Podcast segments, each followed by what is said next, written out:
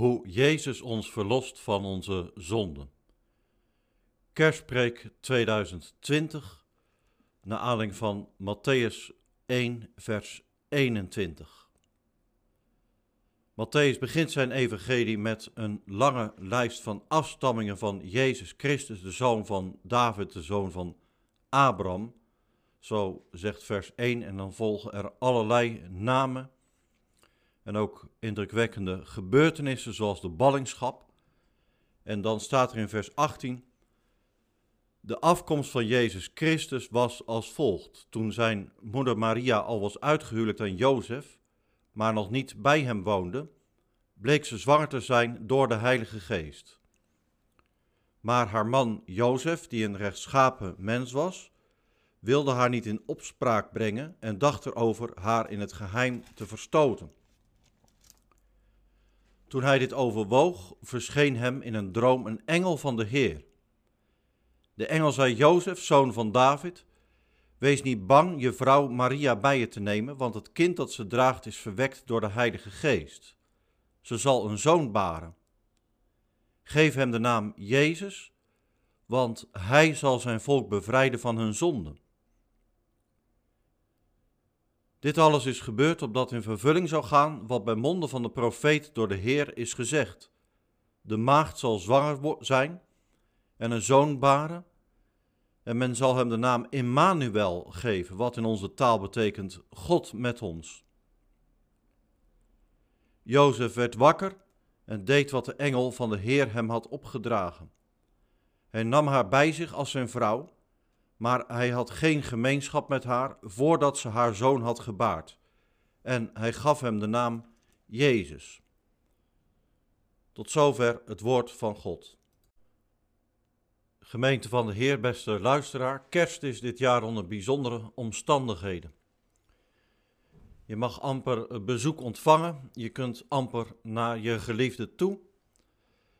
En dat um, ja, dat brengt je ook denk ik een stap terug. Waar gaat het nou om bij kerst? Welke hoop is er nou? Matthäus 1 vers 21 zegt het heel kort en krachtig, eigenlijk een verbluffend antwoord. Er staat, Jezus verlost ons van onze zonden.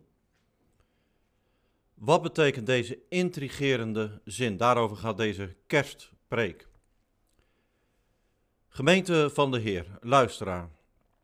De engel zegt tegen Jozef dat hij Maria's zoon Jezus moet noemen, omdat hij zijn volk zal bevrijden van hun zonde.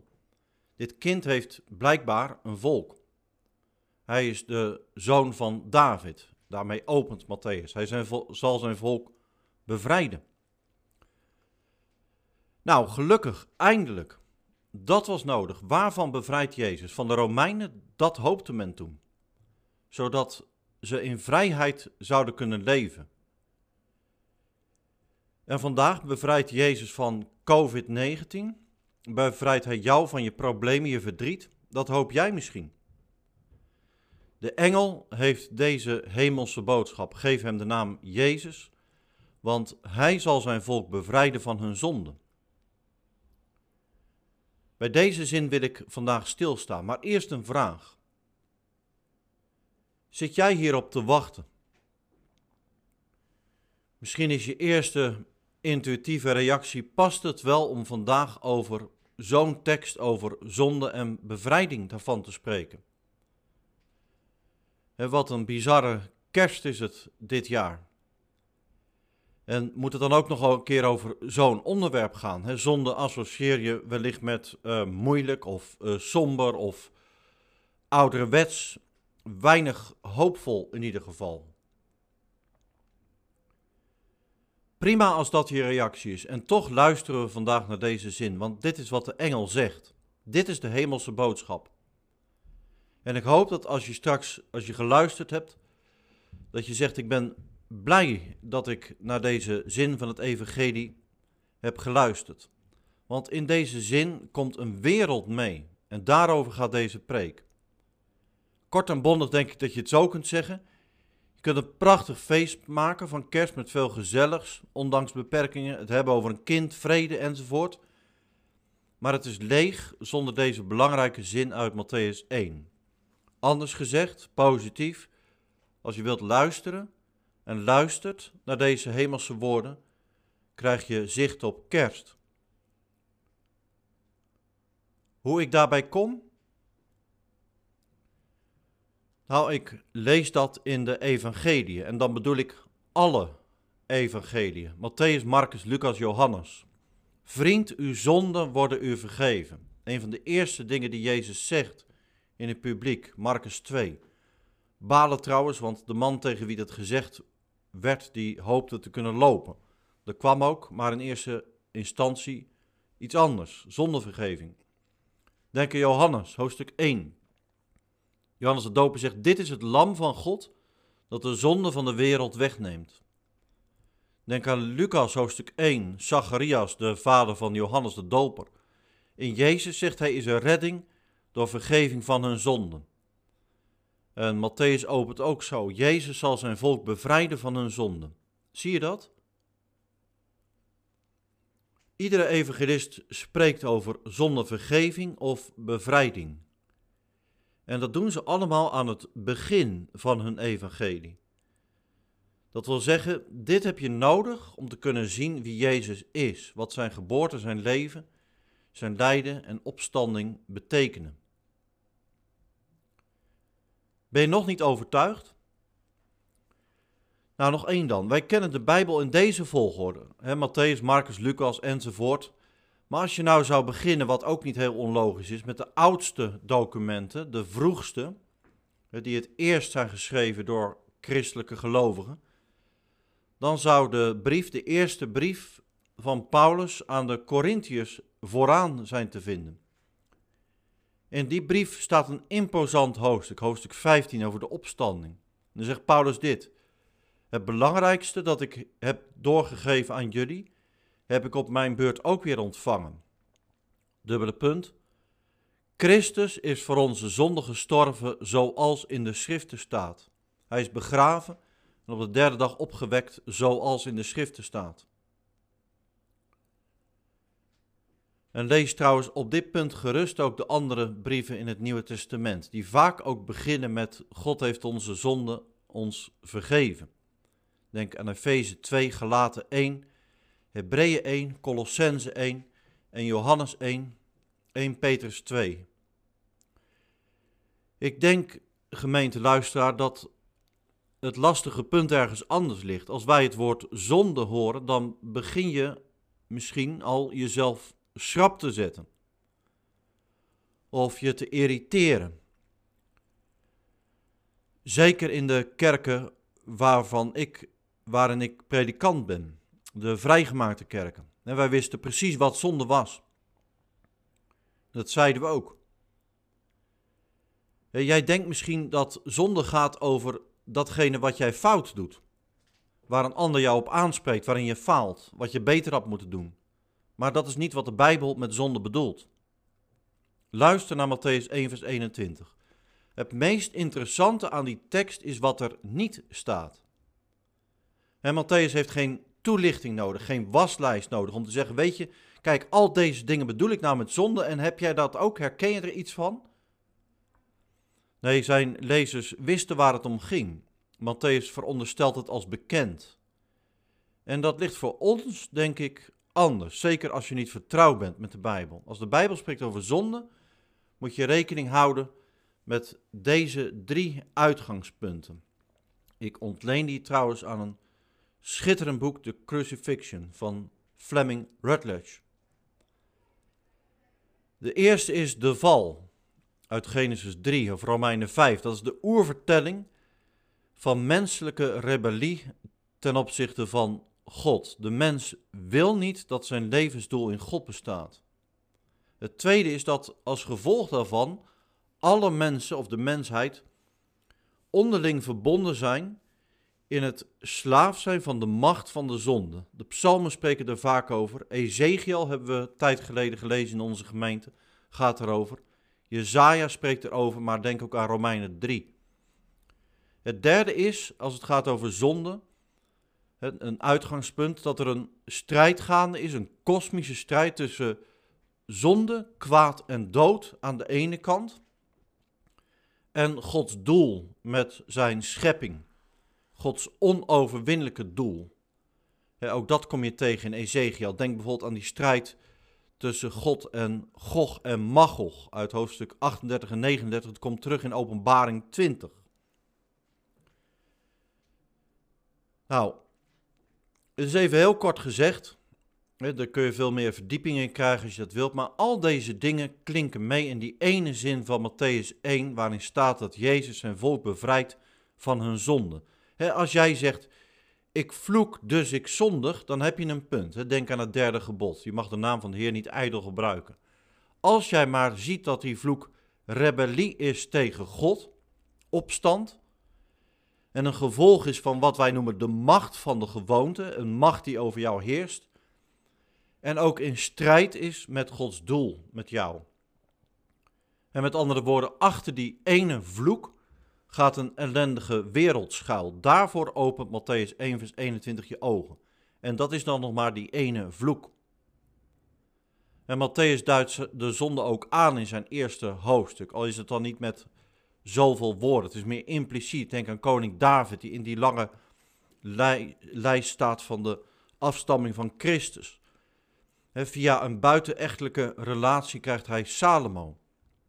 De koning handelt daarmee ook als opstandig tegen God, als slaaf van de zonde.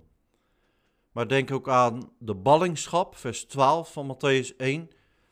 De weg van Gods volk liep dood. Gods volk verloor de strijd en liep vast. Omdat wij al langer naar het evangelie van Matthäus luisteren in onze gemeente, kijk je hopelijk niet al te zeer op van de Bijbelse wereldbeeld dat meekomt met het woord zonde. Steeds bericht het evangelie van Matthäus hierover. Drie voorbeelden. Denk aan het ongeloof in Jezus, het wantrouwen ten opzichte van Hem, of zelfs het verzet tegen Hem of tegen zijn lijdensweg.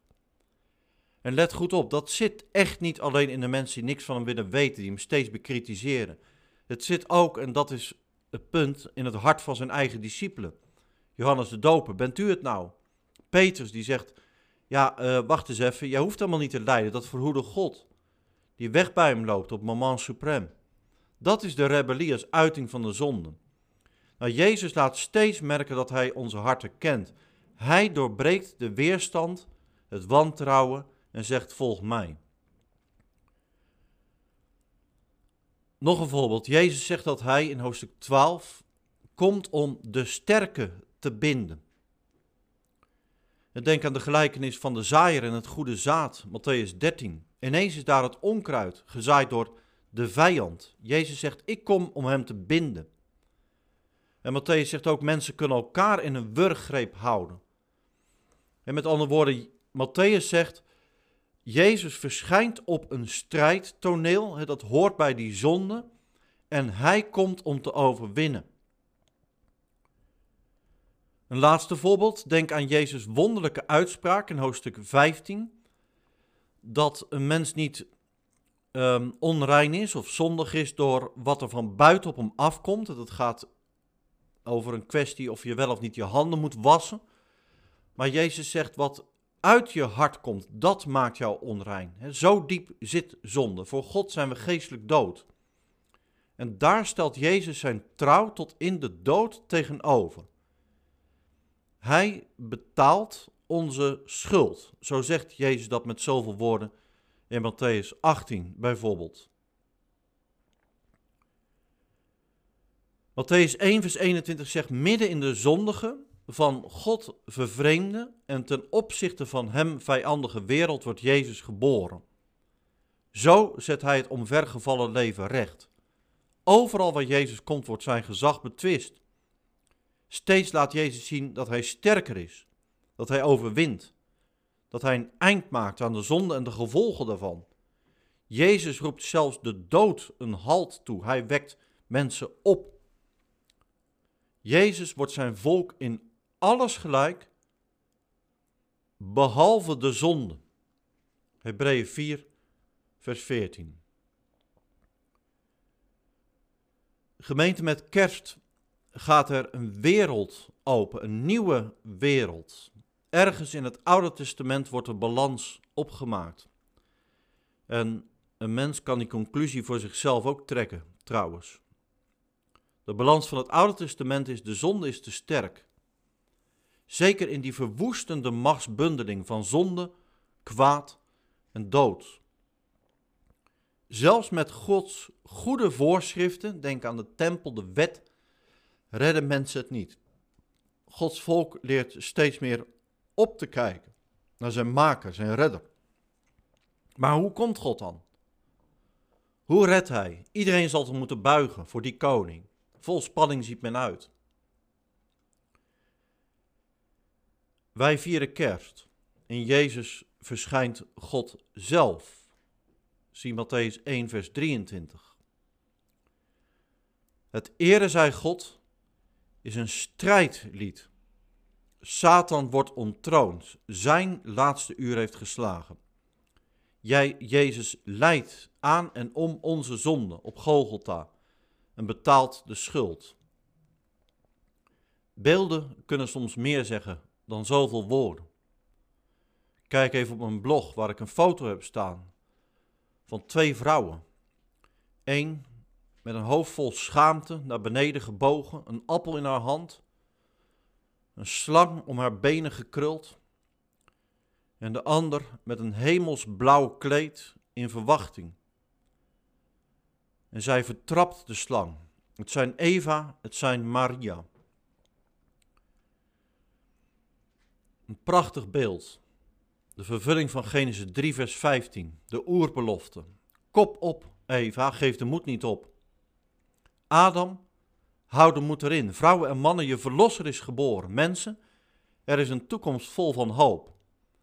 Want de gezegende maagd, zo beleiden we met de Nederlandse geloofsbeleidenis, is niet alleen de moeder van Eva's en van Davids zoon, Maria is de moeder van Gods zoon.